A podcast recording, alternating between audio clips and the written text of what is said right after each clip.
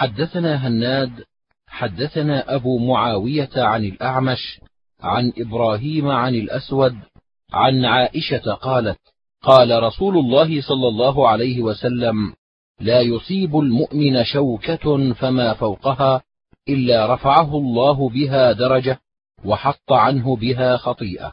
قال وفي الباب عن سعد بن أبي وقاص وأبي عبيدة بن الجراح وأبي هريرة وأبي أمامة وأبي سعيد وأنس وعبد الله بن عمرو وأسد بن كرز وجابر بن عبد الله وعبد الرحمن بن أزهر وأبي موسى. قال أبو عيسى حديث عائشة حديث حسن صحيح. حدثنا سفيان بن وكيع حدثنا أبي عن أسامة بن زيد عن محمد بن عمرو بن عطاء عن عطاء بن يسار عن أبي سعيد الخدري رضي الله عنه قال قال رسول الله صلى الله عليه وسلم ما من شيء يصيب المؤمن من نصب ولا حزن ولا وصب حتى الهم يهمه إلا يكفر الله به عنه سيئاته. قال أبو عيسى هذا حديث حسن في هذا الباب. قال وسمعت الجارود يقول سمعت وكيعا يقول لم يسمع في الهم أنه يكون كفارة إلا في هذا الحديث. قال وقد روى بعضهم هذا الحديث عن عطاء بن يسار عن أبي هريرة رضي الله عنه عن النبي صلى الله عليه وسلم. حدثنا حميد بن مسعدة حدثنا يزيد بن زريع حدثنا خالد الحذاء عن أبي قلابة عن أبي أسماء الرحبي عن ثوبان عن النبي صلى الله عليه وسلم قال إن المسلم إذا عاد أخاه المسلم لم يزل في خرفة الجنة وفي الباب عن علي وأبي موسى والبراء وأبي هريرة وأنس وجابر. قال أبو عيسى حديث ثوبان حديث حسن صحيح.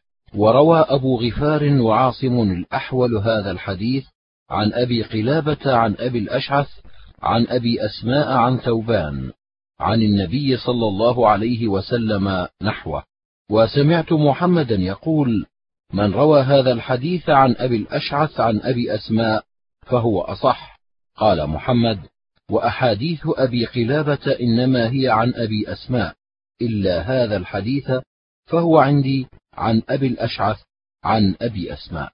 حدثنا محمد بن وزير الواسطي حدثنا يزيد بن هارون عن عاصم الأحول عن أبي قلابة عن أبي الأشعث عن أبي أسماء عن ثوبان عن النبي صلى الله عليه وسلم نحوه وزاد فيه قيل ما خرفة الجنة؟ قال جناها.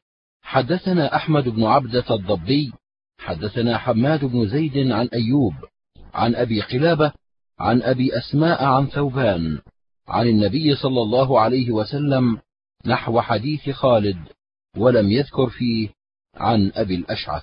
قال أبو عيسى ورواه بعضهم عن حماد بن زيد ولم يرفعه. حدثنا أحمد بن منيع حدثنا الحسن بن محمد حدثنا إسرائيل عن ثوير وابن أبي فاختة عن أبيه قال أخذ علي بيدي قال انطلق بنا إلى الحسن نعوده فوجدنا عنده أبا موسى. فقال علي عليه السلام أعائدا جئت يا أبا موسى أم زائرا فقال لا بل عائدا فقال علي سمعت رسول الله صلى الله عليه وسلم يقول ما من مسلم يعود مسلما غدوة إلا صلى عليه سبعون ألف ملك حتى يمسي وإن عاده عشية إلا صلى عليه سبعون ألف ملك حتى يصبح وكان له خريف في الجنة. قال أبو عيسى هذا حديث حسن غريب وقد روي عن علي هذا الحديث من غير وجه. منهم من وقفه ولم يرفعه وأبو فاختة اسمه سعيد بن علاقة. حدثنا محمد بن بشار حدثنا محمد بن جعفر حدثنا شعبة عن أبي إسحاق عن حارثة بن مضرب قال دخلت على خباب وقد اكتوى في بطنه فقال ما أعلم أحدا من أصحاب النبي صلى الله عليه وسلم لقي من البلاء ما لقيت لقد كنت وما أجد درهما على عهد النبي صلى الله عليه وسلم وفي ناحية من بيتي أربعون ألفا. ولولا أن رسول الله صلى الله عليه وسلم نهانا أو نهى أن نتمنى الموت لتمنيت. قال وفي الباب عن أنس وأبي هريرة وجابر. قال أبو عيسى حديث خباب حديث حسن صحيح. وقد روي عن أنس بن مالك عن النبي صلى الله عليه وسلم أنه قال لا يتمنين أحدكم الموت لضر نزل به وليقل اللهم أحيني ما كانت الحياة خيرا لي وتوفني إذا كانت الوفاة خيرا لي. حدثنا بذلك علي بن حجر أخبرنا إسماعيل بن إبراهيم أخبرنا عبد العزيز بن صهيب عن أنس بن مالك عن النبي صلى الله عليه وسلم بذلك. قال أبو عيسى هذا حديث حسن صحيح. حدثنا بشر بن هلال البصري الصواف حدثنا عبد الوارث بن سعيد عن عبد العزيز بن صهيب عن أبي نضرة عن أبي سعيد أن جبريل أتى النبي صلى الله عليه وسلم فقال يا محمد اشتكيت؟ قال نعم. قال بسم الله أرقيك من كل شيء يؤذيك من شر كل نفس وعين حاسد. بسم الله أرقيك والله يشفيك.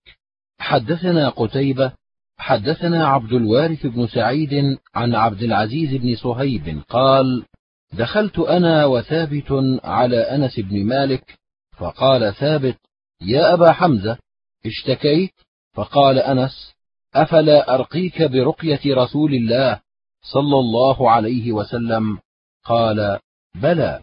قال اللهم رب الناس مذهب الباس. اشف أنت الشافي لا شافي إلا أنت شفاء لا يغادر سقما. قال وفي الباب عن أنس وعائشة. قال أبو عيسى حديث أبي سعيد حديث حسن صحيح. وسألت أبا زرعة عن هذا الحديث فقلت له رواية عبد العزيز عن أبي نضرة عن أبي سعيد أصح أو حديث عبد العزيز عن أنس قال كلاهما صحيح. وروى عبد الصمد بن عبد الوارث عن أبيه عن عبد العزيز بن صهيب عن أبي نضرة عن أبي سعيد وعن عبد العزيز بن صهيب عن أنس. حدثنا إسحاق بن منصور أخبرنا عبد الله بن نمير حدثنا عبيد الله بن عمر عن نافع عن ابن عمر أن رسول الله صلى الله عليه وسلم قال ما حق امرئ مسلم يبيت ليلتين وله شيء يوصي فيه إلا ووصيته مكتوبة عنده. قال وفي الباب عن ابن أبي أوفى. قال أبو عيسى حديث ابن عمر حديث حسن صحيح. حدثنا قتيبة حدثنا جرير عن عطاء بن السائب عن أبي عبد الرحمن السلمي عن سعد بن مالك قال عادني رسول الله صلى الله عليه وسلم وأنا مريض فقال أوصيت؟ قلت نعم. قال بكم؟ قلت بمالي كله في سبيل الله. قال فما تركت لولدك؟ قلت هم أغنياء بخير. قال أوص بالعشر فما زلت أناقصه حتى قال أوص بالثلث والثلث كثير. قال أبو عبد الرحمن ونحن نستحب أن ينقص من الثلث لقول رسول الله صلى الله عليه وسلم والثلث كثير. قال وفي الباب عن ابن عباس. قال أبو عيسى حديث سعد حديث حسن صحيح وقد روي عنه من غير وجه وقد روي عنه والثلث كثير. والعمل على هذا عند أهل العلم لا يرون أن يوصي الرجل بأكثر من الثلث ويستحبون أن ينقص من الثلث. قال سفيان الثوري كانوا يستحبون في الوصية الخمس دون الربع والربع دون الثلث ومن أوصى بالثلث فلم يترك شيئا ولا يجوز له إلا الثلث. حدثنا أبو سلمة يحيى بن خلف حدثنا بشر بن المفضل عن عمارة بن غزية عن يحيى بن عمارة عن أبي سعيد عن النبي صلى الله عليه وسلم قال لقنوا موتاكم لا إله إلا الله. قال وفي الباب عن أبي هريرة وأم سلمة وعائشة وجابر وسعدى المرية وهي امرأة طلحة بن عبيد الله. قال أبو عيسى حديث أبي سعيد حديث حسن غريب صحيح. حدثنا هناد حدثنا أبو معاوية عن الأعمش عن شقيق عن أم سلمة قالت قال لنا رسول الله صلى الله عليه وسلم إذا حضرتم المريض أو الميت فقولوا خيرا فإن الملائكة يؤمنون على ما تقولون. قالت فلما مات أبو سلمة أتيت النبي صلى الله عليه وسلم فقلت يا رسول الله إن أبا سلمة مات. قال فقولي اللهم اغفر لي وله وأعقبني منه عقبى حسنة. قالت فقلت فأعقبني الله منه من هو خير منه. رسول الله صلى الله عليه وسلم. شقيق هو ابن سلمة أبو وائل الأسدي. قال أبو عيسى حديث أم سلمة حديث حسن صحيح وقد كان يستحب أن يلقن المريض عند الموت قول لا إله إلا الله وقال بعض أهل العلم إذا قال ذلك مرة فما لم يتكلم بعد ذلك فلا ينبغي أن يلقن ولا يكثر عليه في هذا وروي عن ابن المبارك أنه لما حضرته الوفاة جعل رجل يلقنه لا إله إلا الله وأكثر عليه فقال له عبد الله إذا قلت مرة فأنا على ذلك ما لم أتكلم بكلام وإنما معنى قول عبد الله إنما أراد ما روي عن النبي صلى الله عليه وسلم من كان آخر قوله لا إله إلا الله دخل الجنة. حدثنا قتيبة حدثنا الليث عن ابن الهاد عن موسى بن سرجس عن القاسم بن محمد عن عائشة أنها قالت رأيت رسول الله صلى الله عليه وسلم وهو بالموت وعنده قدح فيه ماء وهو يدخل يده في القدح ثم يمسح وجهه بالماء ثم يقول اللهم أعني على غمرات الموت أو سكرات الموت. قال أبو عيسى هذا حديث حسن غريب. حدثنا الحسن بن الصباح البغدادي حدثنا مبشر بن إسماعيل الحلبي عن عبد الرحمن بن العلاء عن أبيه عن ابن عمر عن عائشة قالت ما أغبط أحدا بهون موت بعد الذي رأيت من شدة موت رسول الله صلى الله عليه وسلم. قال سألت أبا زرعة عن هذا الحديث وقلت له من عبد الرحمن بن العلاء؟ فقال هو العلاء بن اللجلاج وإنما عرفه من هذا الوجه. حدثنا أحمد بن الحسن قال حدثنا مسلم بن إبراهيم قال حدثنا حسام بن المصك قال حدثنا أبو معشر عن إبراهيم عن علقمة قال سمعت عبد الله يقول سمعت رسول الله صلى الله عليه وسلم يقول إن نفس المؤمن تخرج رشحا ولا أحب موتا كموت الحمار. قيل وما موت الحمار؟ قال موت الفجأة. حدثنا زياد بن أيوب حدثنا مبشر بن إسماعيل الحلبي عن تمام بن نجيح عن الحسن عن أنس بن مالك قال قال رسول الله صلى الله عليه وسلم ما من حافظين رفعا إلى الله ما حفظا من ليل أو نهار فيجد الله في أول الصحيفة وفي آخر الصحيفة خيرا إلا قال الله تعالى أشهدكم أني قد غفرت لعبدي ما بين طرفي الصحيفة حدثنا محمد بن بشار حدثنا يحيى بن سعيد عن المثنى بن سعيد عن قتادة عن عبد الله بن بريدة عن أبيه عن النبي صلى الله عليه وسلم قال المؤمن يموت بعرق الجبين.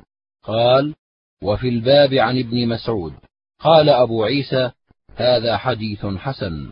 وقد قال بعض أهل العلم لا نعرف لقتادة سماعا من عبد الله بن بريدة. حدثنا عبد الله بن أبي زياد الكوفي وهارون بن عبد الله البزار البغدادي. قالا حدثنا سيار هو ابن حاتم. حدثنا جعفر بن سليمان عن ثابت عن أنس أن النبي صلى الله عليه وسلم دخل على شاب وهو في الموت فقال كيف تجدك؟ قال والله يا رسول الله إني أرجو الله وإني أخاف ذنوبي. فقال رسول الله صلى الله عليه وسلم لا يجتمعان في قلب عبد في مثل هذا الموطن إلا أعطاه الله ما يرجو وآمنه مما يخاف. قال أبو عيسى هذا حديث حسن غريب وقد روى بعضهم هذا الحديث عن ثابت عن النبي صلى الله عليه وسلم مرسلا. حدثنا محمد بن حميد الرازي حدثنا حكام بن سلم وهارون بن المغيرة عن عنبسة عن أبي حمزة عن إبراهيم عن علقمة عن عبد الله عن النبي صلى الله عليه وسلم قال إياكم والنعي فإن النعي من عمل الجاهلية. قال عبد الله والنعي أذان بالميت وفي الباب عن حذيفة. حدثنا سعيد بن عبد الرحمن المخزومي حدثنا عبد الله بن الوليد العدني عن سفيان الثوري عن أبي حمزة عن إبراهيم عن علقمة عن عبد الله عن النبي صلى الله عليه وسلم نحوه ولم يرفعه ولم يذكر فيه والنعي أذان بالميت.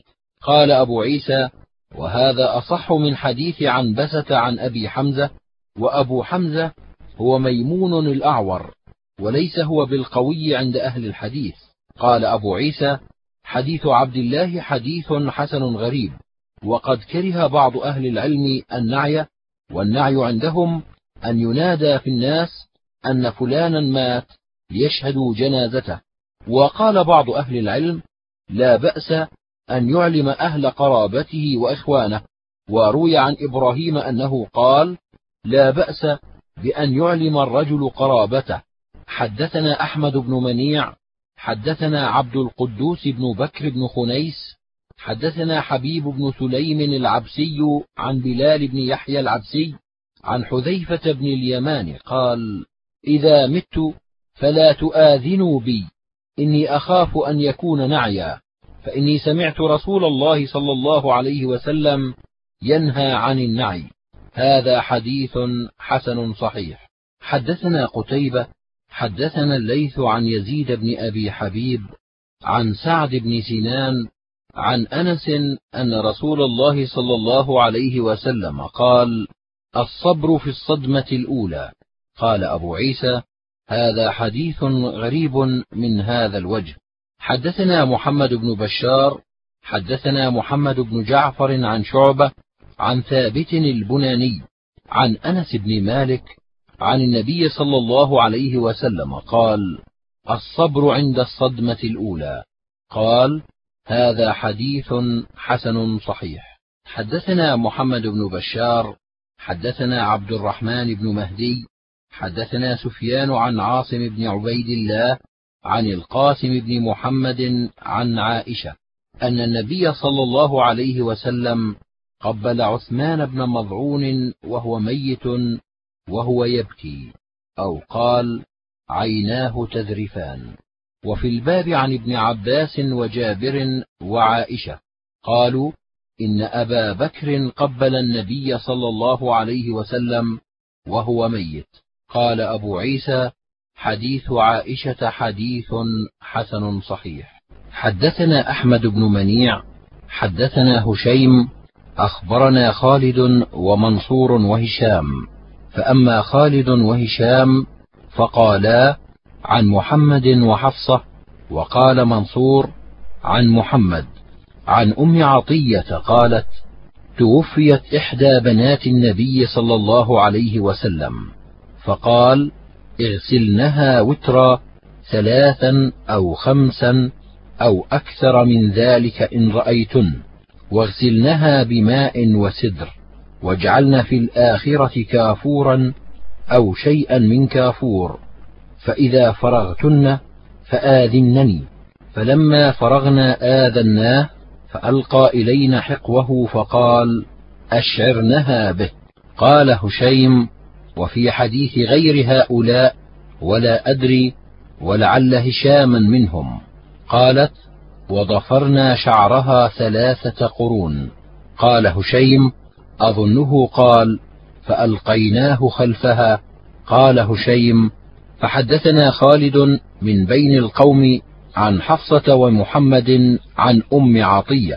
قالت وقال لنا رسول الله صلى الله عليه وسلم وابدأن بميامنها ومواضع الوضوء. وفي الباب عن أم سليم. قال أبو عيسى حديث أم عطية حديث حسن صحيح والعمل على هذا عند أهل العلم. وقد روي عن إبراهيم النخعي أنه قال غسل الميت كالغسل من الجنابة. وقال مالك بن أنس ليس لغسل الميت عندنا حد مؤقت وليس لذلك صفة معلومة ولكن يطهر. وقال الشافعي إنما قال مالك قولا مجملا يغسل وينقى وإذا أنقي الميت بماء قراح أو ماء غيره أجزأ ذلك من غسله ولكن أحب إلي أن يغسل ثلاثا فصاعدا لا يقصر عن ثلاث لما قال رسول الله صلى الله عليه وسلم اغسلنها ثلاثا أو خمسا. وإن أنقوا في أقل من ثلاث مرات أجزأ. ولا نرى أن قول النبي صلى الله عليه وسلم إنما هو على معنى الإنقاء ثلاثا أو خمسا ولم يؤقت. وكذلك قال الفقهاء وهم أعلم بمعاني الحديث. وقال أحمد وإسحاق وتكون الغسلات بماء وسدر ويكون في الآخرة شيء من كافور. حدثنا محمود بن غيلان حدثنا أبو داود وشبابة قالا حدثنا شعبة عن خليد بن جعفر سمع أبا نضرة يحدث عن أبي سعيد الخدري قال قال رسول الله صلى الله عليه وسلم أطيب الطيب المسك. قال أبو عيسى هذا حديث حسن صحيح. حدثنا سفيان بن وكيع. حدثنا أبي عن شعبة عن خليد بن جعفر عن أبي نضرة عن أبي سعيد أن النبي صلى الله عليه وسلم سئل عن المسك فقال هو أطيب طيبكم. قال أبو عيسى هذا حديث حسن صحيح والعمل على هذا عند بعض أهل العلم وهو قول أحمد وإسحاق وقد كره بعض أهل العلم المسك للميت. قال وقد رواه المستمر بن الريان أيضا عن أبي نضرة عن أبي سعيد عن النبي صلى الله عليه وسلم. قال علي قال يحيى بن سعيد المستمر بن الريان ثقة. قال يحيى خليد بن جعفر ثقة. حدثنا محمد بن عبد الملك بن أبي الشوارب. حدثنا عبد العزيز بن المختار عن سهيل بن أبي صالح عن أبيه. عن أبي هريرة عن النبي صلى الله عليه وسلم قال من غسله الغسل ومن حمله الوضوء يعني الميت. قال وفي الباب عن علي وعائشة. قال أبو عيسى حديث أبي هريرة حديث حسن وقد روي عن أبي هريرة موقوفا وقد اختلف أهل العلم في الذي يغسل الميت فقال بعض أهل العلم من أصحاب النبي صلى الله عليه وسلم وغيرهم إذا غسل ميتا فعليه الغسل. وقال بعضهم عليه الوضوء. وقال مالك بن أنس أستحب الغسل من غسل الميت ولا أرى ذلك واجبا. وهكذا قال الشافعي. وقال أحمد من غسل ميتا أرجو أن لا يجب عليه الغسل. وأما الوضوء فأقل ما قيل فيه. وقال إسحاق لا بد من الوضوء. قال وقد روي عن عبد الله بن المبارك أنه قال لا يغتسل ولا يتوضأ من غسل الميت. حدثنا قتيبة حدثنا بشر بن المفضل عن عبد الله بن عثمان بن خثيم عن سعيد بن جبير عن ابن عباس قال قال رسول الله صلى الله عليه وسلم البسوا من ثيابكم البياض فإنها من خير ثيابكم وكفنوا فيها موتاكم. وفي الباب عن سمرة وابن عمر وعائشة قال أبو عيسى حديث ابن عباس حديث حسن صحيح وهو الذي يستحبه أهل العلم. وقال ابن المبارك أحب إلي أن يكفن في ثيابه التي كان يصلي فيها. وقال أحمد وإسحاق أحب الثياب إلينا أن يكفن فيها البياض ويستحب حسن الكفن. حدثنا محمد بن بشار حدثنا عمر بن يونس حدثنا عكرمة بن عمار عن هشام بن حسان عن محمد بن سيرين عن أبي قتادة قال قال رسول الله صلى الله عليه وسلم إذا ولي أحدكم أخاه فليحسن كفنه. وفيه عن جابر قال أبو عيسى هذا حديث حسن غريب. وقال ابن المبارك قال سلام بن أبي مطيع في قوله وليحسن أحدكم كفن أخيه. قال هو الصفاء وليس بالمرتفع. حدثنا قتيبة حدثنا حفص بن غياث عن هشام بن عروة عن أبيه عن عائشة قالت كفن النبي صلى الله عليه وسلم في ثلاثة أثواب بيض يمانية ليس فيها قميص ولا عمامة. قال فذكروا لعائشة قولهم في ثوبين وبرد حبرة. فقالت قد أتي بالبرد ولكنهم ردوه ولم يكفنوه فيه. قال أبو عيسى هذا حديث حسن صحيح. حدثنا ابن أبي عمر حدثنا بشر بن السري عن زائدة عن عبد الله بن محمد بن عقيل عن جابر بن عبد الله أن رسول الله صلى الله عليه وسلم كفن حمزة بن عبد المطلب في نمرة في ثوب واحد. قال وفي الباب عن علي وابن عباس وعبد الله بن مغفل وابن عمر. قال أبو عيسى حديث عائشة حديث حسن صحيح. وقد روي في كفن النبي صلى الله عليه وسلم روايات مختلفة وحديث عائشة أصح الأحاديث التي رويت في كفن النبي صلى الله عليه وسلم. والعمل على حديث عائشة عند أكثر أهل العلم من أصحاب النبي صلى الله عليه وسلم وغيرهم. قال سفيان الثوري يكفن الرجل في ثلاث أثواب إن شئت في قميص ولفافتين. وإن شئت في ثلاث لفائف ويجزي ثوب واحد إن لم يجدوا ثوبين. والثوبان يجزيان والثلاثة لمن وجدها أحب إليهم وهو قول الشافعي وأحمد وإسحاق. قالوا تكفن المرأة في خمسة أثواب. حدثنا أحمد بن منيع وعلي بن حجر قالا حدثنا سفيان بن عيينة عن جعفر بن خالد عن أبيه عن عبد الله بن جعفر قال لما جاء نعي جعفر قال النبي صلى الله عليه وسلم اصنعوا لأهل جعفر طعاما فإنه قد جاءهم ما يشغلهم. قال أبو عيسى هذا حديث حسن صحيح وقد كان بعض أهل العلم يستحب أن يوجه إلى أهل الميت شيء لشغلهم بالمصيبة وهو قول الشافعي. قال أبو عيسى وجعفر بن خالد هو ابن سارة وهو ثقة. روى عنه ابن جريج. حدثنا محمد بن بشار حدثنا يحيى بن سعيد عن سفيان قال حدثني زبيد الأيامي عن إبراهيم عن مسروق عن عبد الله عن النبي صلى الله عليه وسلم قال ليس منا من شق الجيوب وضرب الخدود ودعا بدعوة الجاهلية. قال أبو عيسى هذا حديث حسن صحيح. حدثنا أحمد بن منيع حدثنا قران بن تمام ومروان بن معاوية ويزيد بن هارون عن سعيد بن عبيد الطائي عن علي بن ربيعة الأسدي قال مات رجل من الأنصار يقال له قرظة بن كعب فنيح عليه فجاء المغيرة بن شعبة فصعد المنبر فحمد الله وأثنى عليه وقال ما بال النوح في الإسلام؟ أما إني سمعت رسول الله صلى الله عليه وسلم يقول من نيح عليه عذب بما نيح عليه. وفي الباب عن عمر وعلي وأبي موسى وقيس بن عاصم وأبي هريرة وجنادة بن مالك وأنس وأم عطية وسمرة وأبي مالك الأشعري.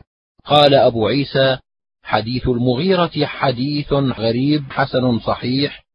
حدثنا محمود بن غيلان حدثنا أبو داود أنبأنا شعبة والمسعودي عن علقمة بن مرثد عن أبي الربيع عن أبي هريرة قال قال رسول الله صلى الله عليه وسلم أربع في أمتي من أمر الجاهلية لن يدعهن الناس. النياحة والطعن في الأحساب والعدوى أجرب بعير فأجرب مئة بعير. من أجرب البعير الأول؟ والأنواء مطرنا بنوء كذا وكذا. قال أبو عيسى هذا حديث حسن. حدثنا عبد الله بن أبي زياد حدثنا يعقوب بن إبراهيم بن سعد حدثنا أبي عن صالح بن كيسان عن الزهري عن سالم بن عبد الله عن أبيه قال قال عمر بن الخطاب قال رسول الله صلى الله عليه وسلم الميت يعذب ببكاء أهله عليه. وفي الباب عن ابن عمر وعمران بن حسين. قال أبو عيسى حديث عمر حديث حسن صحيح. وقد كره قوم من أهل العلم البكاء على الميت قالوا الميت يعذب ببكاء أهله عليه وذهبوا إلى هذا الحديث. وقال ابن المبارك أرجو إن كان ينهاهم في حياته أن لا يكون عليه من ذلك شيء. حدثنا علي بن حجر أخبرنا محمد بن عمار حدثني أسيد بن أبي أسيد أن موسى بن أبي موسى الأشعري أخبره عن أبيه أن رسول الله صلى الله عليه وسلم قال ما من ميت يموت فيقوم باكيه فيقول واجبلاه وسيداه أو نحو ذلك إلا وكل به ملكان يلهزانه أهكذا كنت؟ قال أبو عيسى هذا حديث حسن غريب حدثنا قتيبة حدثنا عباد بن عباد المهلبي عن محمد بن عمرو عن يحيى بن عبد الرحمن عن ابن عمر عن النبي صلى الله عليه وسلم قال الميت يعذب ببكاء أهله عليه. فقالت عائشة يرحمه الله لم يكذب ولكنه وهم. إنما قال رسول الله صلى الله عليه وسلم لرجل مات يهوديا إن الميت ليعذب وإن أهله ليبكون عليه. قال وفي الباب عن ابن عباس وقرظة بن كعب وأبي هريرة وابن مسعود وأسامة بن زيد. قال أبو عيسى حديث عائشة حديث حسن صحيح وقد روي من غير وجه عن عائشة. وقد ذهب أهل العلم إلى هذا وتأولوا هذه الآية ولا تزر وازرة وزر أخرى وهو قول الشافعي. حدثنا علي بن خشرم أخبرنا عيسى بن يونس عن ابن أبي ليلى عن عطاء عن جابر بن عبد الله قال أخذ النبي صلى الله عليه وسلم بيد عبد الرحمن بن عوف فانطلق به إلى ابنه إبراهيم فوجده يجود بنفسه فأخذه النبي صلى الله عليه وسلم فوضعه في حجره فبكى.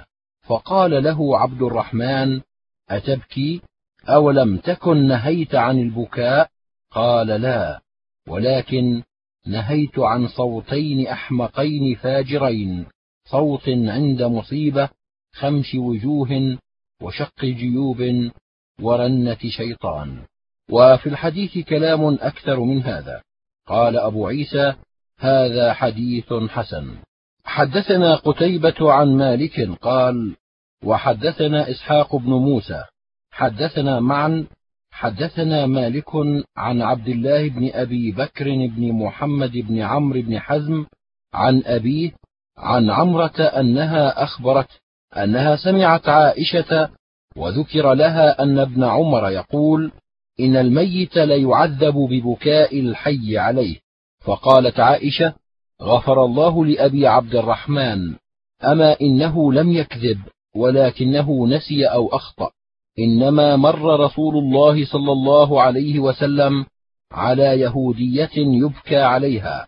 فقال إنهم ليبكون عليها وإنها لتعذب في قبرها. قال أبو عيسى هذا حديث حسن صحيح. حدثنا قتيبة وأحمد بن منيع وإسحاق بن منصور ومحمود بن غيلان قالوا حدثنا سفيان بن عيينة عن الزهري عن سالم عن أبيه قال رأيت النبي صلى الله عليه وسلم وأبا بكر وعمر يمشون أمام الجنازة. حدثنا الحسن بن علي الخلال حدثنا عمرو بن عاصم عن همام عن منصور وبكر الكوفي وزياد وسفيان كلهم يذكر أنه سمعه من الزهري عن سالم بن عبد الله عن أبيه قال رأيت النبي صلى الله عليه وسلم وأبا بكر وعمر يمشون أمام الجنازة. حدثنا عبد بن حميد حدثنا عبد الرزاق أخبرنا معمر عن الزهري قال كان النبي صلى الله عليه وسلم وأبو بكر وعمر يمشون أمام الجنازة. قال الزهري وأخبرني سالم أن أباه كان يمشي أمام الجنازة.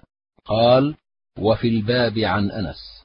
قال أبو عيسى حديث ابن عمر هكذا رواه ابن جريج وزياد بن سعد وغير واحد عن الزهري عن سالم عن أبيه نحو حديث ابن عيينة وروى معمر ويونس بن يزيد ومالك وغير واحد من الحفاظ عن الزهري أن النبي صلى الله عليه وسلم كان يمشي أمام الجنازة. قال الزهري وأخبرني سالم أن أباه كان يمشي أمام الجنازة وأهل الحديث كلهم يرون أن الحديث المرسل في ذلك أصح. قال أبو عيسى سمعت يحيى بن موسى يقول قال عبد الرزاق قال ابن المبارك حديث الزهري في هذا مرسل أصح من حديث ابن عيينة. قال ابن المبارك وأرى ابن جريج أخذه عن ابن عيينة. قال أبو عيسى وروى همام بن يحيى هذا الحديث عن زياد وهو ابن سعد ومنصور وبكر وسفيان عن الزهري. عن سالم عن أبيه وإنما هو سفيان بن عيينة روى عنه همام. واختلف أهل العلم في المشي أمام الجنازة فرأى بعض أهل العلم من أصحاب النبي صلى الله عليه وسلم وغيرهم أن المشي أمامها أفضل وهو قول الشافعي وأحمد. قال وحديث أنس في هذا الباب غير محفوظ. حدثنا أبو موسى محمد بن المثنى حدثنا محمد بن بكر حدثنا يونس بن يزيد عن ابن شهاب عن أنس أن النبي صلى الله عليه وسلم وأبا بكر وعمر وعثمان كانوا يمشون أمام الجنازة. قال أبو عيسى سألت محمدا عن هذا الحديث فقال هذا حديث خطأ أخطأ فيه محمد بن بكر. وإنما يروى هذا الحديث عن يونس عن الزهري أن النبي صلى الله عليه وسلم وأبا بكر وعمر كانوا يمشون أمام الجنازة. قال الزهري وأخبرني سالم أن أباه كان يمشي أمام الجنازة. قال محمد هذا أصح. حدثنا محمود بن غيلان حدثنا وهب بن جرير عن شعبة عن يحيى إمام بني تيم الله عن أبي ماجد عن عبد الله بن مسعود قال سألنا رسول الله صلى الله عليه وسلم عن المشي خلف الجنازة. قال ما دون الخبب فإن كان خيرا عجلتموه وإن كان شرا فلا يبعد إلا أهل النار. الجنازة متبوعة ولا تتبع وليس منا من تقدمها. قال أبو عيسى هذا حديث لا يعرف من حديث عبد الله بن مسعود إلا من هذا الوجه. قال سمعت محمد بن إسماعيل يضعف حديث أبي ماجد لهذا. وقال محمد قال الحميدي قال ابن عيينة قيل ليحيى من أبو ماجد هذا؟ قال طائر طار فحدثنا.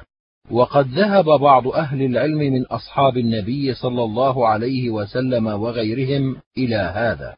رأوا أن المشي خلفها أفضل وبه يقول سفيان الثوري وإسحاق قال إن أبا ماجد رجل مجهول لا يعرف إنما يروى عنه حديثان عن ابن مسعود ويحيى إمام بني تيم الله ثقة يكنى أبا الحارث ويقال له يحيى الجابر ويقال له يحيى المجبر أيضا وهو كوفي روى له شعبة وسفيان الثوري وأبو الأحوص وسفيان بن عيينة. حدثنا علي بن حجر أخبرنا عيسى بن يونس عن أبي بكر بن أبي مريم عن راشد بن سعد عن ثوبان قال خرجنا مع رسول الله صلى الله عليه وسلم في جنازة فرأى ناسا ركبانا فقال ألا تستحيون إن ملائكة الله على أقدامهم وأنتم على ظهور الدواب؟ قال وفي الباب عن المغيرة بن شعبة وجابر بن سمرة. قال أبو عيسى حديث ثوبان قد روي عنه موقوفا. قال محمد الموقوف منه أصح. حدثنا محمود بن غيلان حدثنا أبو داود حدثنا شعبة عن سماك قال سمعت جابر بن سمرة يقول كنا مع النبي صلى الله عليه وسلم في جنازة أبي الدحداح وهو على فرس له يسعى ونحن حوله وهو يتوقص به. حدثنا عبد الله بن الصباح الهاشمي حدثنا أبو قتيبة عن الجراح عن سماك عن جابر بن سمرة. أن النبي صلى الله عليه وسلم اتبع جنازة أبي الدحداح ماشيا ورجع على فرس. قال أبو عيسى هذا حديث حسن صحيح. حدثنا أحمد بن منيع حدثنا سفيان بن عيينة عن الزهري. سمع سعيد بن المسيب عن أبي هريرة يبلغ به النبي صلى الله عليه وسلم قال أسرعوا بالجنازة فإن يكن خيرا تقدموها إليه وإن يكن شرا تضعوه عن رقابكم. وفي الباب عن أبي بكرة قال أبو عيسى حديث أبي هريرة حديث حسن صحيح. حدثنا قتيبة حدثنا أبو صفوان عن أسامة بن زيد عن ابن شهاب عن أنس بن مالك قال أتى رسول الله صلى الله عليه وسلم على حمزة يوم أحد فوقف عليه فرآه قد مثل به فقال لولا أن تجد صفية في نفسها لتركته حتى تأكله العافية حتى يحشر يوم القيامة من بطونها. قال ثم دعا بنمرة فكفنه فيها فكانت إذا مدت على رأسه بدت رجلاه وإذا مدت على رجليه بدا رأسه. قال فكثر القتلى وقلت الثياب. قال فكفن الرجل والرجلان والثلاثة في الثوب الواحد ثم يدفنون في قبر واحد. فجعل رسول الله صلى الله عليه وسلم يسأل عنهم أيهم أكثر قرآنا؟ فيقدمه إلى القبلة. قال فدفنهم رسول الله صلى الله عليه وسلم ولم يصل عليهم.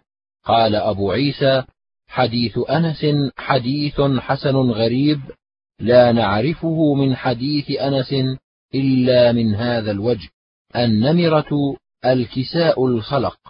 وقد خلف أسامة بن زيد في رواية هذا الحديث فروى الليث بن سعد عن ابن شهاب عن عبد الرحمن بن كعب بن مالك عن جابر بن عبد الله بن زيد وروى معمر عن الزهري عن عبد الله بن ثعلبة عن جابر ولا نعلم أحدا ذكره عن الزهري عن أنس إلا أسامة بن زيد. وسألت محمدا عن هذا الحديث فقال حديث الليث عن ابن شهاب عن عبد الرحمن بن كعب بن مالك عن جابر أصح. حدثنا علي بن حجر أخبرنا علي بن مسهر عن مسلم الأعور عن أنس بن مالك قال كان رسول الله صلى الله عليه وسلم يعود المريض ويشهد الجنازة ويركب الحمار ويجيب دعوة العبد. وكان يوم بني قريظة على حمار مخطوم بحبل من ليف. عليه إكاف ليف. قال أبو عيسى هذا حديث لا نعرفه إلا من حديث مسلم عن أنس. ومسلم الأعور يضعف وهو مسلم بن كيسان تكلم فيه وقد روى عنه شعبة وسفيان الملائي. حدثنا أبو كريب حدثنا أبو معاوية عن عبد الرحمن بن أبي بكر عن أبي مليكة عن عائشة قالت لما قبض رسول الله صلى الله عليه وسلم اختلفوا في دفنه فقال أبو بكر سمعت من رسول الله صلى الله عليه وسلم شيئا ما نسيته.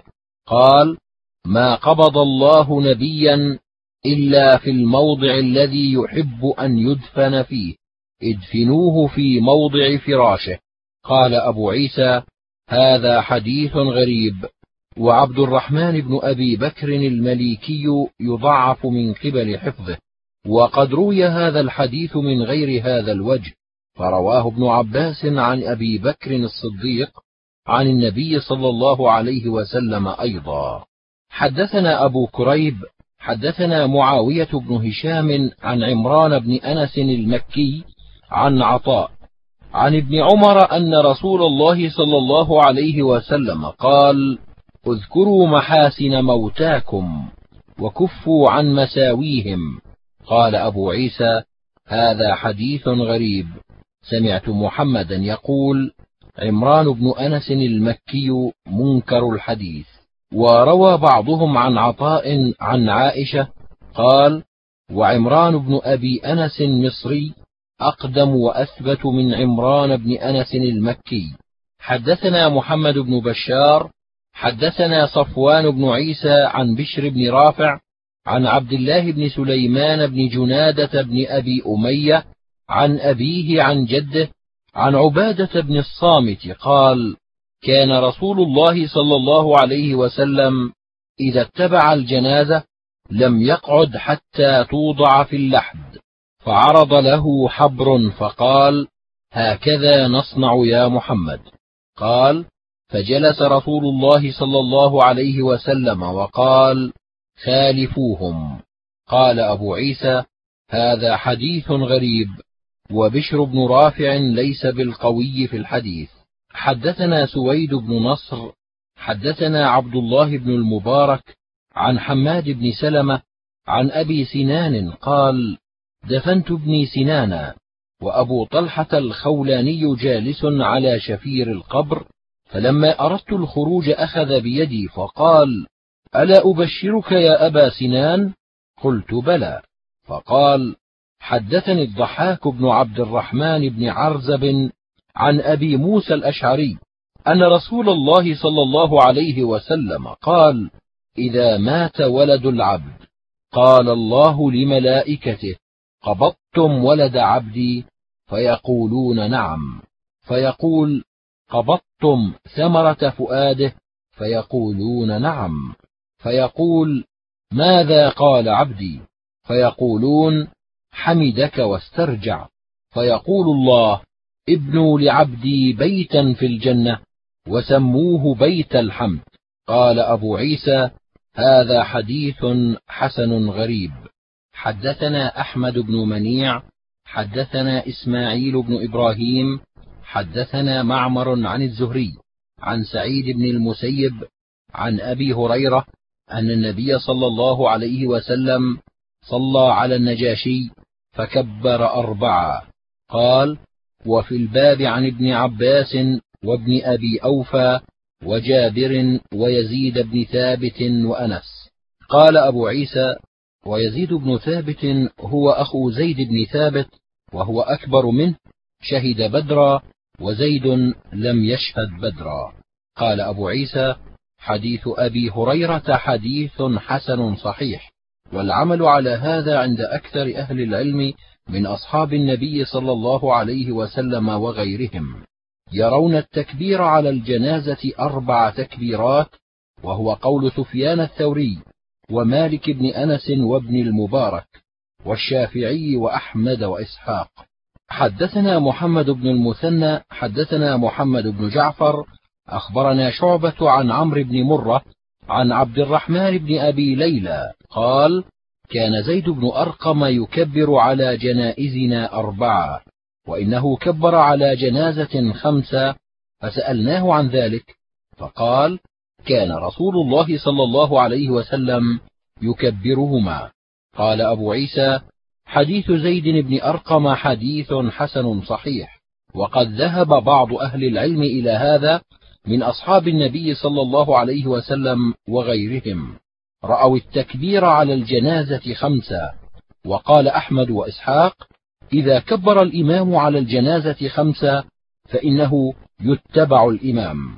حدثنا علي بن حجر أخبرنا هقل بن زياد حدثنا الأوزاعي عن يحيى بن أبي كثير. حدثني أبو إبراهيم الأشهلي عن أبيه قال كان رسول الله صلى الله عليه وسلم إذا صلى على الجنازة قال اللهم اغفر لحينا وميتنا وشاهدنا وغائبنا وصغيرنا وكبيرنا وذكرنا وأنثانا. قال يحيى وحدثني أبو سلمة بن عبد الرحمن عن أبي هريرة عن النبي صلى الله عليه وسلم مثل ذلك وزاد فيه اللهم من أحييته منا فأحيه على الإسلام ومن توفيته منا فتوفه على الإيمان. قال وفي الباب عن عبد الرحمن وعائشة وأبي قتادة وعوف بن مالك وجابر. قال أبو عيسى حديث والد أبي إبراهيم حديث حسن صحيح.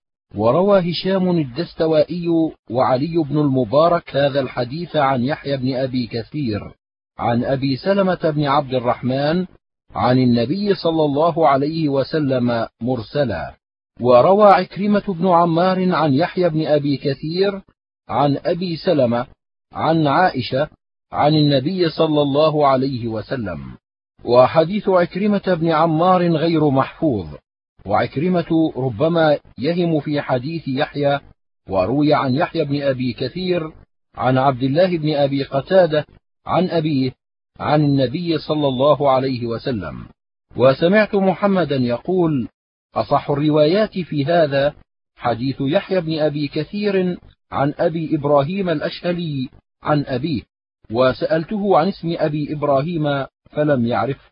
حدثنا محمد بن بشار حدثنا عبد الرحمن بن مهدي حدثنا معاوية بن صالح عن عبد الرحمن بن جبير بن نفير عن أبيه عن عوف بن مالك قال سمعت رسول الله صلى الله عليه وسلم يصلي على ميت ففهمت من صلاته عليه اللهم اغفر له وارحمه واغسله بالبرد واغسله كما يغسل الثوب. قال أبو عيسى هذا حديث حسن صحيح. قال محمد أصح شيء في هذا الباب هذا الحديث. حدثنا أحمد بن منيع حدثنا زيد بن حباب حدثنا إبراهيم بن عثمان عن الحكم عن مقسم عن ابن عباس أن النبي صلى الله عليه وسلم قرأ على الجنازة بفاتحة الكتاب. قال وفي الباب عن أم شريك قال أبو عيسى حديث ابن عباس حديث ليس إسناده بذلك القوي. إبراهيم بن عثمان هو أبو شيبة الواسطي منكر الحديث.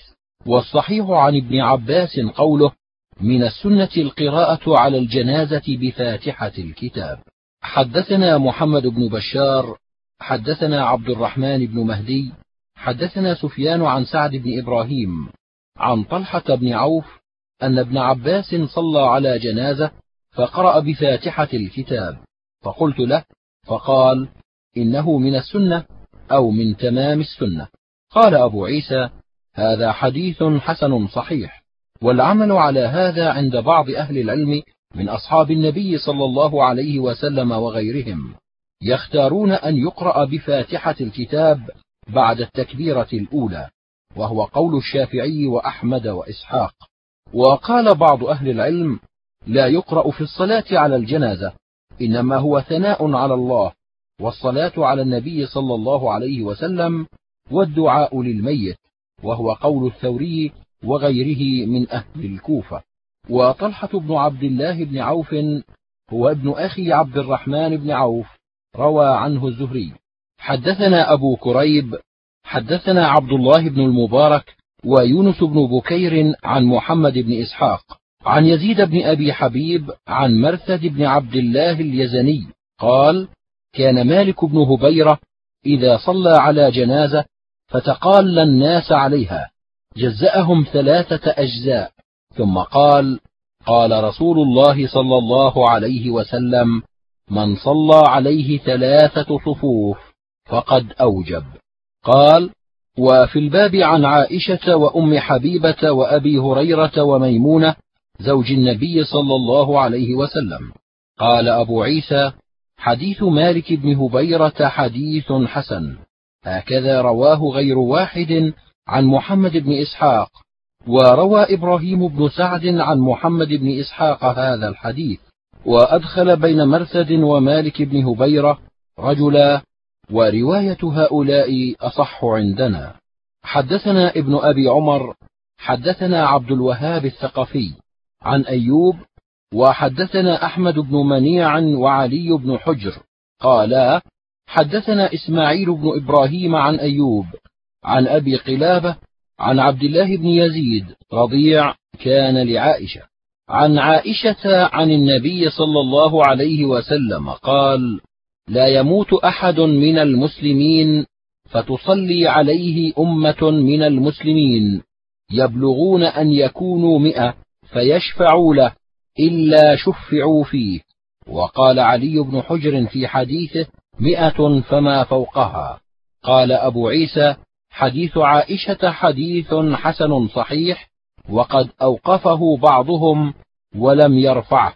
حدثنا هناد حدثنا وكيع عن موسى بن علي بن رباح عن أبيه عن عقبة بن عامر الجهني قال: ثلاث ساعات كان رسول الله صلى الله عليه وسلم ينهانا أن نصلي فيهن أو نقبر فيهن موتانا حين تطلع الشمس بازغة حتى ترتفع وحين يقوم قائم الظهيرة حتى تميل وحين تضيف الشمس للغروب حتى تغرب. قال أبو عيسى هذا حديث حسن صحيح. والعمل على هذا عند بعض أهل العلم من أصحاب النبي صلى الله عليه وسلم وغيرهم يكرهون الصلاة على الجنازة في هذه الساعات. وقال ابن المبارك معنى هذا الحديث أن نقبر فيهن موتانا يعني الصلاة على الجنازة. وكره الصلاة على الجنازة عند طلوع الشمس وعند غروبها وإذا انتصف النهار حتى تزول الشمس وهو قول أحمد وإسحاق. قال الشافعي لا بأس في الصلاة على الجنازة في الساعات التي تكره فيهن الصلاة.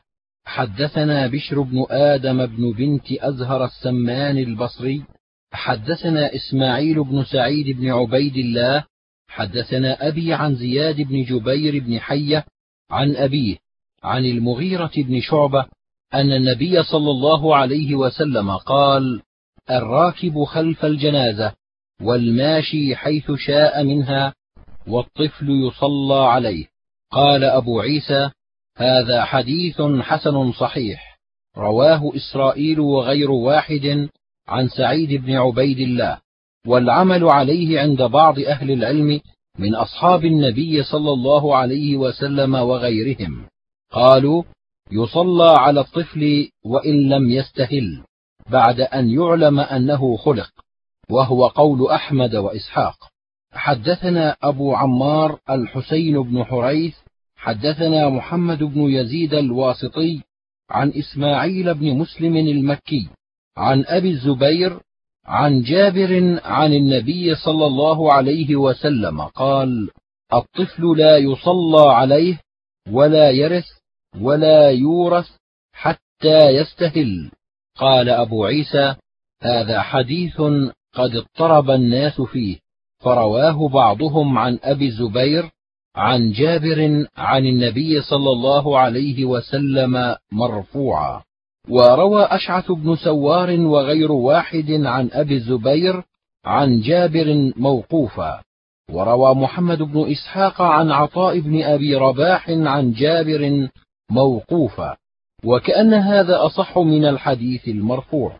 وقد ذهب بعض أهل العلم إلى هذا. قالوا لا يصلى على الطفل حتى يستهل. وهو قول سفيان الثوري والشافعي. حدثنا علي بن حجر.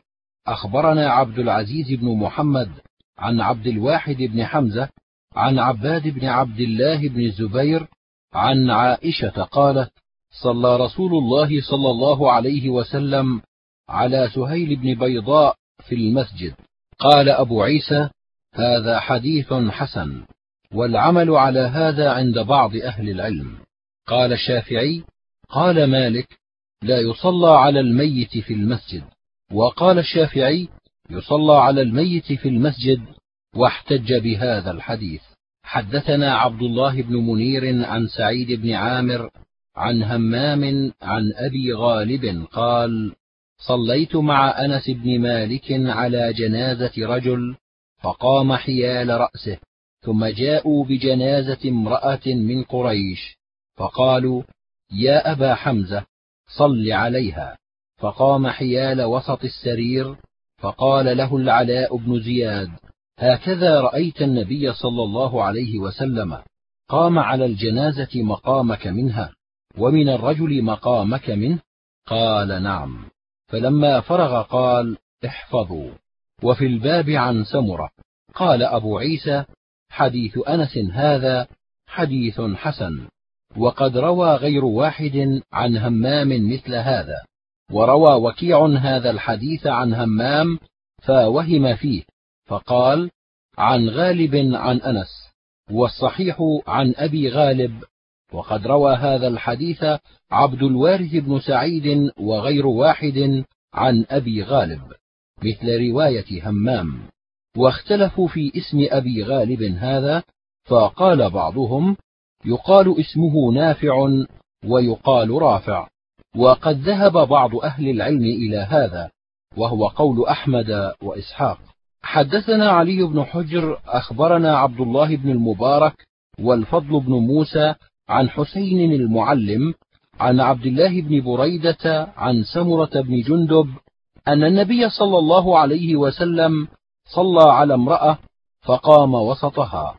قال أبو عيسى هذا حديث حسن صحيح وقد رواه شعبة عن حسين المعلم.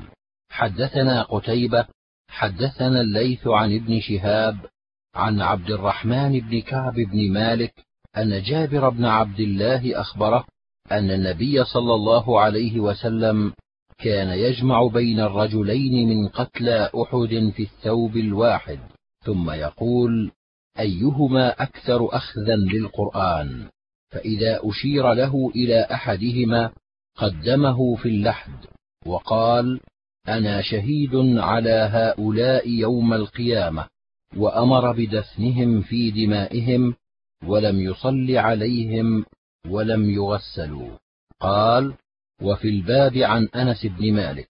قال أبو عيسى حديث جابر حديث حسن صحيح وقد روي هذا الحديث عن الزهري عن أنس عن النبي صلى الله عليه وسلم. وروي عن الزهري عن عبد الله بن ثعلبة بن أبي صعير عن النبي صلى الله عليه وسلم ومنهم من ذكره عن جابر.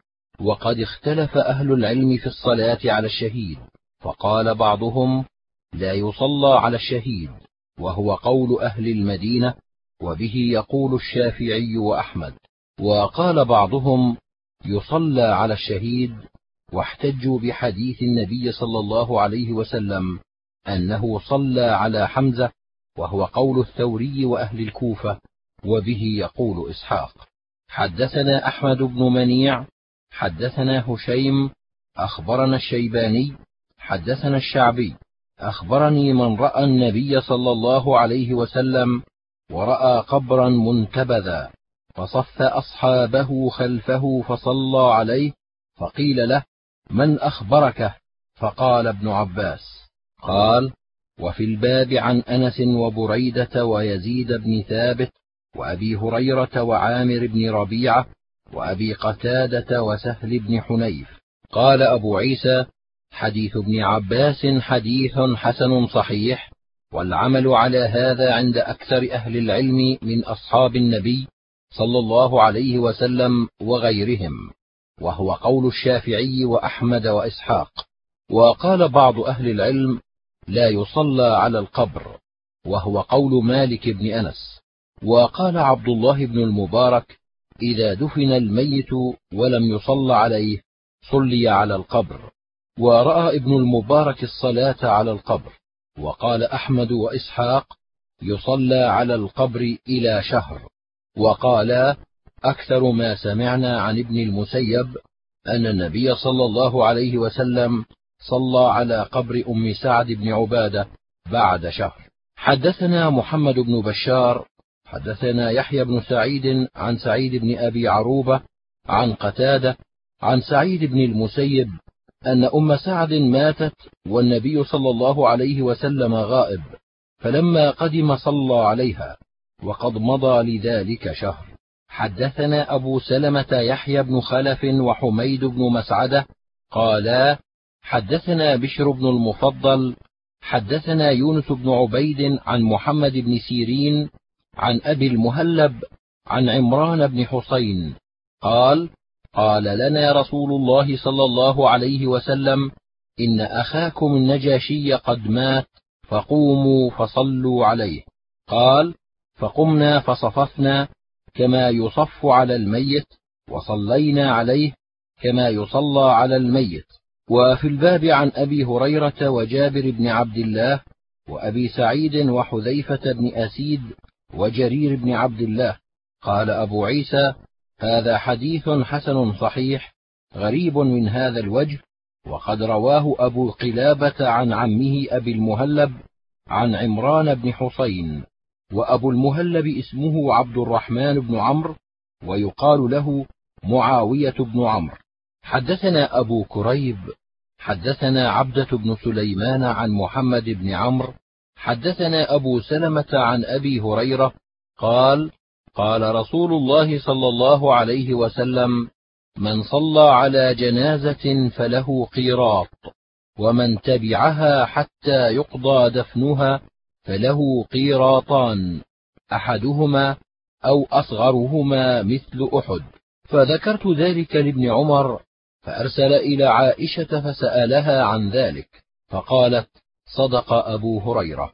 فقال ابن عمر لقد فرطنا في قراريط كثيرة وفي الباب عن البراء وعبد الله بن مغفل وعبد الله بن مسعود وأبي سعيد وأبي بن كعب وابن عمر وثوبان. قال أبو عيسى حديث أبي هريرة حديث حسن صحيح قد روي عنه من غير وجه. حدثنا محمد بن بشار حدثنا روح بن عبادة حدثنا عباد بن منصور قال سمعت أبا المهزم قال صحبت أبا هريرة عشر سنين سمعته يقول سمعت رسول الله صلى الله عليه وسلم يقول من تبع جنازة وحملها ثلاث مرات فقد قضى ما عليه من حقها. قال أبو عيسى هذا حديث غريب ورواه بعضهم بهذا الإسناد ولم يرفعه. وأبو المهزم اسمه يزيد بن سفيان وضعفه شعبة. حدثنا قتيبة حدثنا الليث عن ابن شهاب عن سالم بن عبد الله عن أبيه عن عامر بن ربيعة عن النبي صلى الله عليه وسلم. حدثنا قتيبة حدثنا الليث عن نافع عن ابن عمر عن عامر بن ربيعة عن رسول الله صلى الله عليه وسلم قال إذا رأيتم الجنازة فقوموا لها حتى تخلفكم أو توضع. قال وفي الباب عن أبي سعيد وجابر وسهل بن حنيف وقيس بن سعد وأبي هريرة. قال أبو عيسى حديث عامر بن ربيعة حديث حسن صحيح. حدثنا نصر بن علي الجهضمي والحسن بن علي الخلال الحلواني. قالا حدثنا وهب بن جرير حدثنا هشام الدستوائي عن يحيى بن أبي كثير عن أبي سلمة عن أبي سعيد الخدري. أن رسول الله صلى الله عليه وسلم قال إذا رأيتم الجنازة فقوموا لها فمن تبعها فلا يقعدن حتى توضع. قال أبو عيسى حديث أبي سعيد في هذا الباب حديث حسن صحيح وهو قول أحمد وإسحاق. قالا من تبع جنازة فلا يقعدن حتى توضع عن أعناق الرجال. وقد روي عن بعض أهل العلم من أصحاب النبي صلى الله عليه وسلم وغيرهم أنهم كانوا يتقدمون الجنازة فيقعدون قبل أن تنتهي إليهم الجنازة وهو قول الشافعي. حدثنا قتيبة حدثنا الليث عن يحيى بن سعيد عن واقد وهو ابن عمرو بن سعد بن معاذ عن نافع بن جبير عن مسعود بن الحكم عن علي بن أبي طالب أنه ذكر القيام في الجنائز حتى توضع. فقال علي قام رسول الله صلى الله عليه وسلم ثم قعد. وفي الباب عن الحسن بن علي وابن عباس. قال أبو عيسى حديث علي حديث حسن صحيح وفيه رواية أربعة من التابعين بعضهم عن بعض. والعمل على هذا عند بعض أهل العلم. قال الشافعي وهذا أصح شيء في هذا الباب وهذا الحديث ناسخ للأول إذا رأيتم الجنازة فقوموا. وقال أحمد إن شاء قام وإن شاء لم يقم. واحتج بأن النبي صلى الله عليه وسلم قد روي عنه أنه قام ثم قعد. وهكذا قال إسحاق بن إبراهيم. قال أبو عيسى معنى قول علي قام رسول الله صلى الله عليه وسلم في الجنازة ثم قعد يقول كان رسول الله صلى الله عليه وسلم إذا رأى الجنازة قام ثم ترك ذلك بعد فكان لا يقوم إذا رأى الجنازة. حدثنا أبو كريب ونصر بن عبد الرحمن الكوفي ويوسف بن موسى القطان البغدادي قالوا حدثنا حكام بن سلم عن علي بن عبد الأعلى عن أبيه عن سعيد بن جبير عن ابن عباس قال قال النبي صلى الله عليه وسلم اللحد لنا والشق لغيرنا. وفي الباب عن جرير بن عبد الله وعائشة وابن عمر وجابر. قال أبو عيسى حديث ابن عباس حديث حسن غريب من هذا الوجه. حدثنا أبو سعيد الأشج حدثنا أبو خالد الأحمر حدثنا الحجاج عن نافع عن ابن عمر أن النبي صلى الله عليه وسلم كان إذا أدخل الميت القبر وقال أبو خالد مرة إذا وضع الميت في لحده قال مرة بسم الله وبالله وعلى ملة رسول الله وقال مرة بسم الله وبالله وعلى سنة رسول الله صلى الله عليه وسلم. قال أبو عيسى هذا حديث حسن غريب من هذا الوجه وقد روي هذا الحديث من غير هذا الوجه عن ابن عمر عن النبي صلى الله عليه وسلم. ورواه أبو الصديق الناجي عن ابن عمر عن النبي صلى الله عليه وسلم. وقد روي عن أبي الصديق الناجي عن ابن عمر موقوفا أيضا.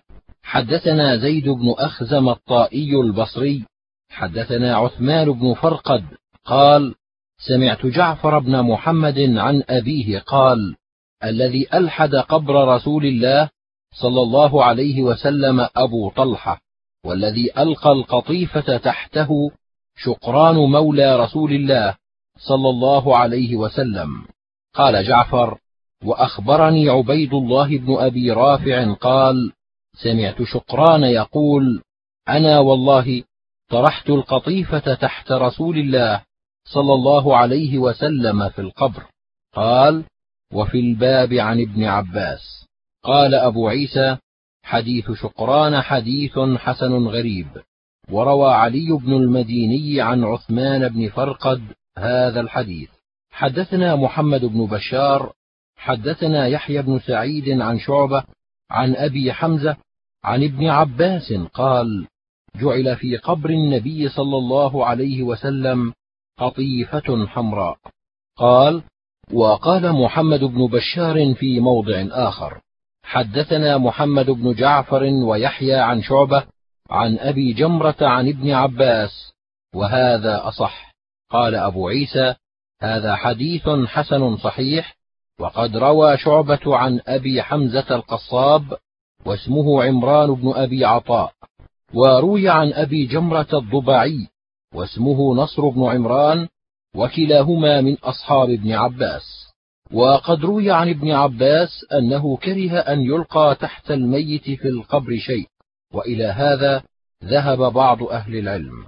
حدثنا محمد بن بشار حدثنا عبد الرحمن بن مهدي حدثنا سفيان عن حبيب بن أبي ثابت عن أبي وائل أن عليا قال لأبي الهياج الأسدي أبعثك على ما بعثني به النبي صلى الله عليه وسلم أن لا تدع قبرا مشرفا إلا سويته ولا تمثالا إلا طمسته. قال وفي الباب عن جابر. قال أبو عيسى حديث علي حديث حسن والعمل على هذا عند بعض أهل العلم يكرهون أن يرفع القبر فوق الأرض. قال الشافعي أكره أن يرفع القبر إلا بقدر ما يعرف أنه قبر لكي لا يوطأ ولا يجلس عليه. حدثنا هناد حدثنا عبد الله بن المبارك عن عبد الرحمن بن يزيد بن جابر عن بسر بن عبيد الله عن أبي إدريس الخولاني عن واثلة بن الأسقع عن أبي مرثد الغنوي قال قال النبي صلى الله عليه وسلم لا تجلسوا على القبور ولا تصلوا إليها. قال وفي الباب عن أبي هريرة وعمر بن حزم وبشير بن الخصاصية. حدثنا محمد بن بشار حدثنا عبد الرحمن بن مهدي عن عبد الله بن المبارك بهذا الإسناد نحوه. حدثنا علي بن حجر وأبو عمار قالا أخبرنا الوليد بن مسلم عن عبد الرحمن بن يزيد بن جابر عن بسر بن عبيد الله عن واثلة بن الأسقع عن أبي مرثد الغنوي عن النبي صلى الله عليه وسلم نحوه وليس فيه عن أبي إدريس وهذا الصحيح. قال أبو عيسى قال محمد وحديث ابن المبارك خطأ. أخطأ فيه ابن المبارك وزاد فيه عن أبي إدريس الخولاني وإنما هو بسر بن عبيد الله عن واثلة. هكذا روى غير واحد عن عبد الرحمن بن يزيد بن جابر وليس فيه عن أبي إدريس. وبسر بن عبيد الله قد سمع من واثلة بن الأسقع. حدثنا عبد الرحمن بن الأسود أبو عمرو البصري حدثنا محمد بن ربيعة عن ابن جريج عن أبي الزبير عن جابر قال نهى النبي صلى الله عليه وسلم أن تجصص القبور وأن يكتب عليها وأن يبنى عليها وأن توطأ. قال أبو عيسى هذا حديث حسن صحيح قد روي من غير وجه عن جابر. وقد رخص بعض أهل العلم منهم الحسن البصري في تطيين القبور وقال الشافعي لا بأس أن يطين القبر. حدثنا أبو كريب حدثنا محمد بن الصلت عن أبي كدينة عن قابوس بن أبي ظبيان عن أبيه عن ابن عباس قال مر رسول الله صلى الله عليه وسلم بقبور المدينة فأقبل عليهم بوجهه فقال السلام عليكم يا أهل القبور. يغفر الله لنا ولكم. أنتم سلفنا ونحن بالأثر. قال وفي الباب عن بريدة وعائشة. قال أبو عيسى حديث ابن عباس حديث حسن غريب. وأبو كدينة اسمه يحيى بن المهلب.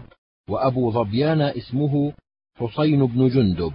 حدثنا محمد بن بشار ومحمود بن غيلان والحسن بن علي الخلال قالوا حدثنا أبو عاصم النبيل حدثنا سفيان بن علقمة بن مرثد عن سليمان بن بريدة عن أبيه قال قال رسول الله صلى الله عليه وسلم قد كنت نهيتكم عن زيارة القبور فقد أذن لمحمد في زيارة قبر أمه فزوروها. فإنها تذكر الآخرة. قال وفي الباب عن أبي سعيد وابن مسعود وأنس وأبي هريرة وأم سلمة. قال أبو عيسى حديث بريدة حديث حسن صحيح والعمل على هذا عند أهل العلم لا يرون بزيارة القبور بأسا وهو قول ابن المبارك والشافعي وأحمد وإسحاق. حدثنا الحسين بن حريث حدثنا عيسى بن يونس عن ابن جريج عن عبد الله بن أبي مليكة قال توفي عبد الرحمن بن أبي بكر بحبشي. قال فحمل إلى مكة فدفن فيها. فلما قدمت عائشة أتت قبر عبد الرحمن بن أبي بكر فقالت وكنا كندماني جذيمة حقبة من الدهر حتى قيل لن يتصدعا. فلما تفرقنا كأني ومالكا لطول اجتماع لم نبت ليلة معا. ثم قالت والله لو حضرتك ما دفنت إلا حيث مت ولو شهدتك ما زرتك. حدثنا قتيبة حدثنا أبو عوانة عن عمر بن أبي سلمة عن أبيه عن أبي هريرة أن رسول الله صلى الله عليه وسلم لعن زوارات القبور. قال وفي الباب عن ابن عباس وحسان بن ثابت. قال أبو عيسى هذا حديث حسن صحيح. وقد رأى بعض أهل العلم أن هذا كان قبل أن يرخص النبي صلى الله عليه وسلم في زيارة القبور. فلما رخص دخل في رخصته الرجال والنساء. وقال بعضهم إنما كره زيارة القبور للنساء لقلة صبرهن وكثرة جزعهن. حدثنا أبو كريب ومحمد بن عمرو السوق قالا حدثنا يحيى بن اليمان عن المنهال بن خليفة عن الحجاج بن أرطاة عن عطاء عن ابن عباس أن النبي صلى الله عليه وسلم دخل قبرا ليلا فأسرج له سراج فأخذه من قبل القبلة وقال رحمك الله إن كنت لأواها تلاء للقرآن وكبر عليه أربعة. قال وفي الباب عن جابر ويزيد بن ثابت وهو أخو زيد بن ثابت أكبر منه. قال أبو عيسى حديث ابن عباس حديث حسن وقد ذهب بعض أهل العلم إلى هذا. وقالوا يدخل الميت القبر من قبل القبلة. وقال بعضهم يسل سلا. ورخص أكثر أهل العلم في الدفن بالليل. حدثنا أحمد بن منيع حدثنا يزيد بن هارون. أخبرنا حميد عن أنس قال مر على رسول الله صلى الله عليه وسلم بجنازة فأثنوا عليها خيرا. فقال رسول الله صلى الله عليه وسلم وجبت. ثم قال أنتم شهداء الله في الأرض. قال وفي الباب عن عمر وكعب بن عجرة وأبي هريرة. قال أبو عيسى حديث أنس حديث حسن صحيح. حدثنا يحيى بن موسى وهارون بن عبد الله البزار. قالا حدثنا أبو داود الطيالسي. حدثنا داود بن أبي الفرات. حدثنا عبد الله بن بريدة عن أبي الأسود الديلي قال قدمت المدينة فجلست إلى عمر بن الخطاب فمروا بجنازة فأثنوا عليها خيرا. فقال عمر وجبت. فقلت لعمر وما وجبت؟ قال أقول كما قال رسول الله صلى الله عليه وسلم. قال ما من مسلم يشهد له ثلاثة إلا وجبت له الجنة. قال قلنا واثنان. قال واثنان. قال ولم نسأل رسول الله صلى الله عليه وسلم عن الواحد. قال أبو عيسى هذا حديث حسن صحيح وأبو الأسود الديلي اسمه ظالم بن عمرو بن سفيان. حدثنا قتيبة عن مالك بن أنس وحدثنا الأنصاري حدثنا معا حدثنا مالك بن أنس عن ابن شهاب عن سعيد بن المسيب عن أبي هريرة أن رسول الله صلى الله عليه وسلم قال لا يموت لأحد من المسلمين ثلاثة من الولد فتمسه النار إلا تحلة القسم قال وفي الباب عن عمر ومعاذ وكعب بن مالك وعتبة بن عبد وأم سليم وجابر وأنس وأبي ذر وابن مسعود وأبي ثعلبة الأشجعي وابن عباس وعقبة بن عامر وأبي سعيد وقرة بن إياس المزني. قال وأبو ثعلبة الأشجعي له عن النبي صلى الله عليه وسلم حديث واحد هو هذا الحديث وليس هو الخشني. قال أبو عيسى حديث أبي هريرة حديث حسن صحيح. حدثنا نصر بن علي الجهضمي حدثنا إسحاق بن يوسف حدثنا العوام بن حوشب عن أبي محمد مولى عمر بن الخطاب عن أبي عبيدة بن عبد الله بن مسعود عن عبد الله قال قال رسول الله صلى الله عليه وسلم من قدم ثلاثة لم يبلغوا الحلم كانوا له حصنا حصينا من النار. قال أبو ذر قدمت اثنين. قال واثنين. فقال أبي بن كعب سيد القراء قدمت واحدا. قال وواحدا ولكن إنما ذاك عند الصدمة الأولى. قال أبو عيسى هذا حديث غريب وأبو عبيدة لم يسمع من أبيه.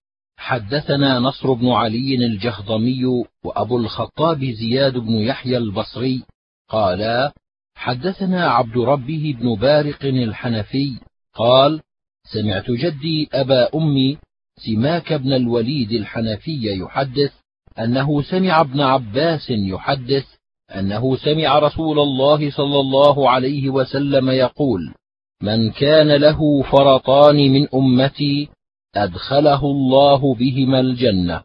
فقالت عائشة فمن كان له فرط من أمتك؟ قال ومن كان له فرط يا موفقة قالت فمن لم يكن له فرط من أمتك؟ قال فأما فرط أمتي لن يصابوا بمثلي. قال أبو عيسى هذا حديث حسن غريب لا نعرفه إلا من حديث عبد ربه بن بارق وقد روى عنه غير واحد من الأئمة. حدثنا أحمد بن سعيد المرابطي حدثنا حبان بن هلال أنبأنا عبد ربه بن بارق فذكر نحوه وسماك بن الوليد هو أبو زميل الحنفي. حدثنا الأنصاري حدثنا معا حدثنا مالك وحدثنا قتيبة عن مالك عن سمي عن أبي صالح عن أبي هريرة أن رسول الله صلى الله عليه وسلم قال الشهداء خمس المطعون والمبطون والغرق وصاحب الهدم والشهيد في سبيل الله. قال وفي الباب عن أنس وصفوان بن أمية وجابر بن عتيك وخالد بن عرفطة وسليمان بن صرد وأبي موسى وعائشة. قال أبو عيسى حديث أبي هريرة حديث حسن صحيح. حدثنا عبيد بن أصباط بن محمد القرشي الكوفي. حدثنا أبي حدثنا أبو سنان الشيباني عن أبي إسحاق السبيعي. قال قال سليمان بن صرد لخالد بن عرفطة أو خالد لسليمان أما سمعت رسول الله صلى الله عليه وسلم يقول من قتله بطنه لم يعذب في قبره فقال أحدهما لصاحبه نعم. قال أبو عيسى هذا حديث حسن غريب في هذا الباب وقد روي من غير هذا الوجه. حدثنا قتيبة حدثنا حماد بن زيد عن عمرو بن دينار عن عامر بن سعد عن أسامة بن زيد أن النبي صلى الله عليه وسلم ذكر الطاعون فقال بقية رجز أو عذاب أرسل على طائفة من بني إسرائيل فإذا وقع بأرض وأنتم بها فلا تخرجوا منها وإذا وقع بأرض ولستم بها فلا تهبطوا عليها. قال وفي الباب عن سعد وخزيمة بن ثابت وعبد الرحمن بن عوف وجابر وعائشة. قال أبو عيسى حديث أسامة بن زيد حديث حسن صحيح. حدثنا أحمد بن مقدام أبو الأشعث العجلي. حدثنا المعتمر بن سليمان قال سمعت أبي يحدث عن قتادة عن أنس عن عبادة بن الصامت عن النبي صلى الله عليه وسلم قال من أحب لقاء الله أحب الله لقاءه ومن كره لقاء الله كره الله لقاءه. وفي الباب عن أبي موسى وأبي هريرة وعائشة. قال أبو عيسى حديث عبادة بن الصامت حسن صحيح.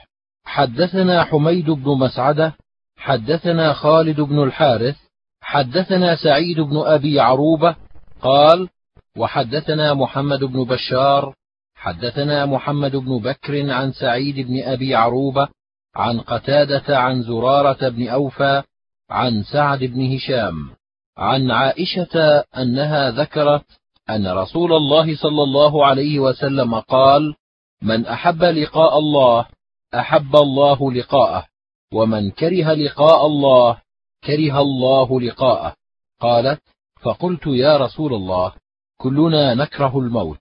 قال: ليس ذلك، ولكن المؤمن إذا بشر برحمة الله ورضوانه وجنته أحب لقاء الله، وأحب الله لقاءه.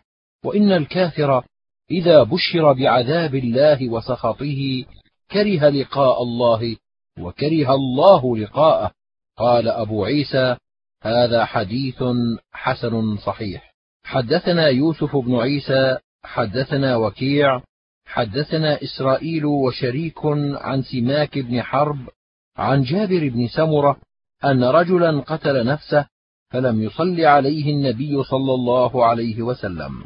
قال أبو عيسى هذا حديث حسن صحيح واختلف أهل العلم في هذا فقال بعضهم يصلى على كل من صلى إلى القبلة وعلى قاتل النفس وهو قول الثوري وإسحاق.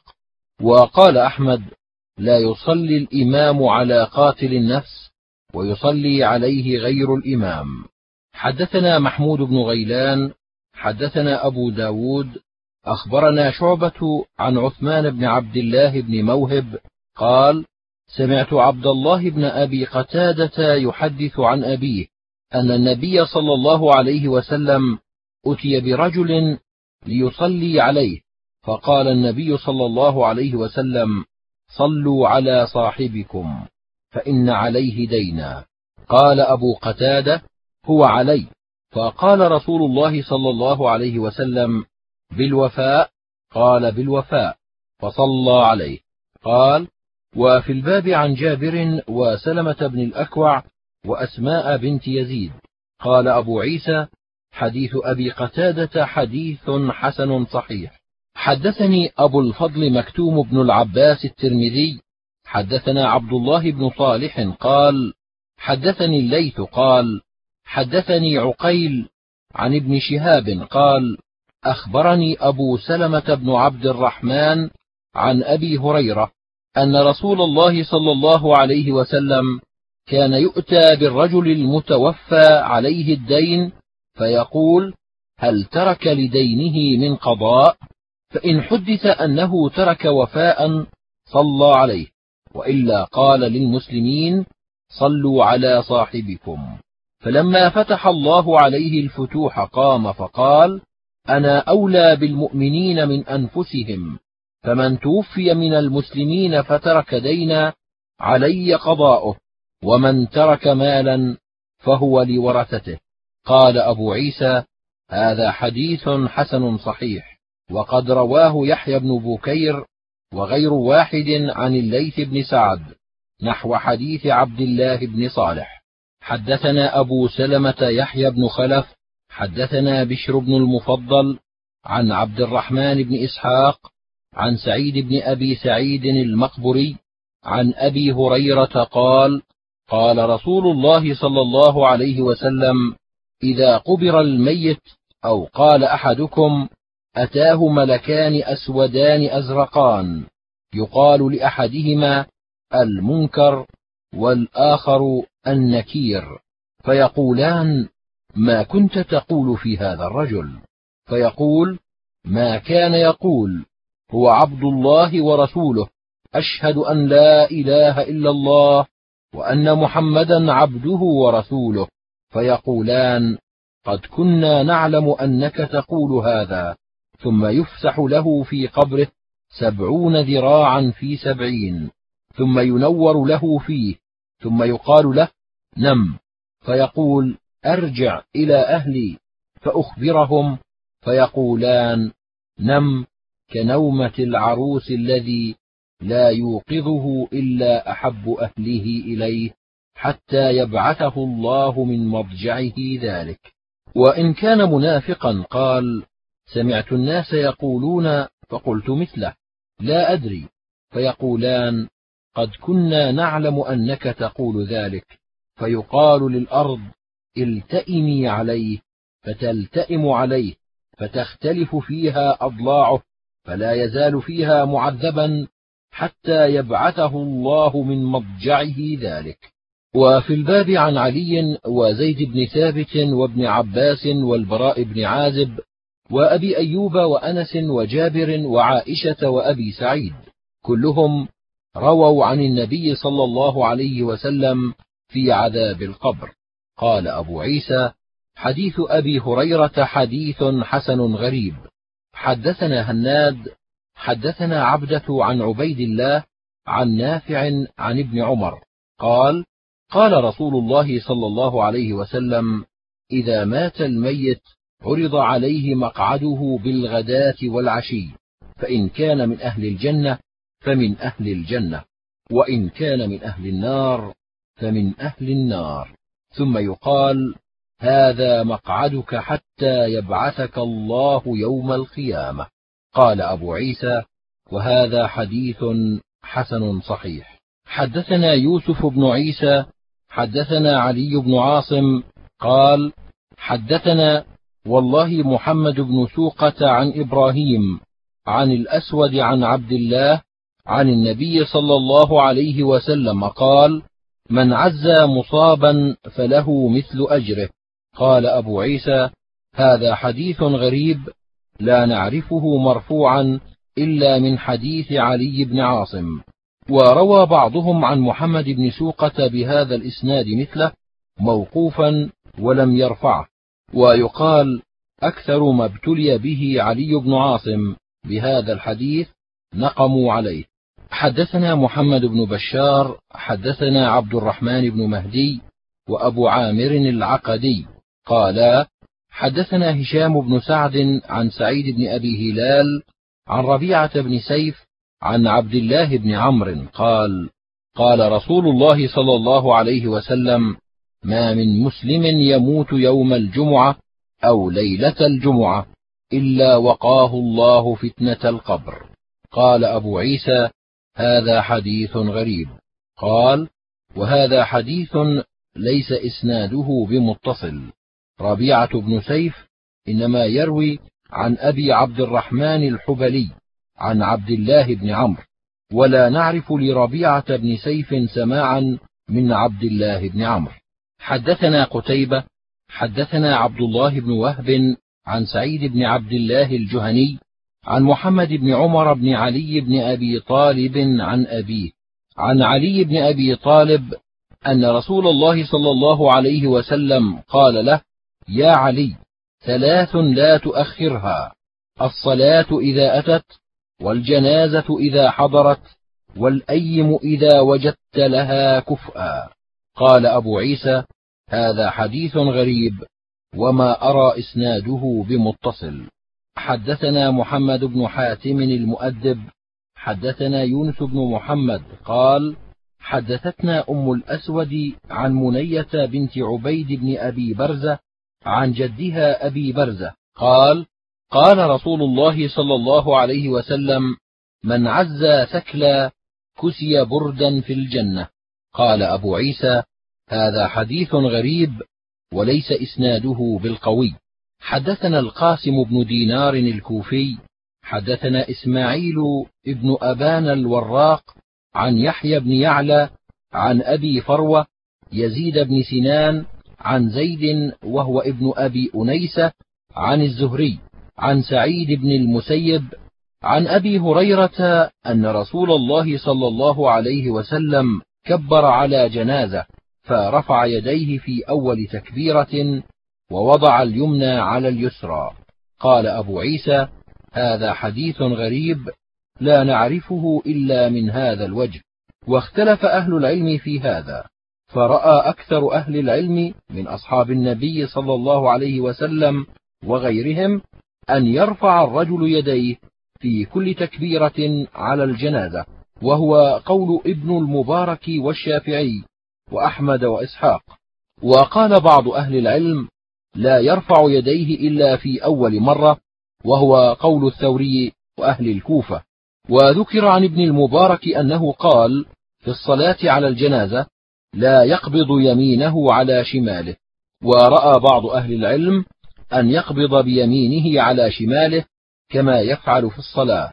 قال أبو عيسى يقبض أحب إلي حدثنا محمود بن غيلان حدثنا أبو أسامة عن زكريا بن أبي زائدة عن سعد بن إبراهيم عن أبي سلمة عن أبي هريرة قال قال رسول الله صلى الله عليه وسلم نفس المؤمن معلقة بدينه حتى يقضى عنه. حدثنا محمد بن بشار حدثنا عبد الرحمن بن مهدي حدثنا إبراهيم بن سعد عن أبيه عن عمر بن أبي سلمة عن أبيه عن أبي هريرة عن النبي صلى الله عليه وسلم قال نفس المؤمن معلقة بدينه حتى يقضى عنه. قال أبو عيسى هذا حديث حسن وهو أصح من الأول.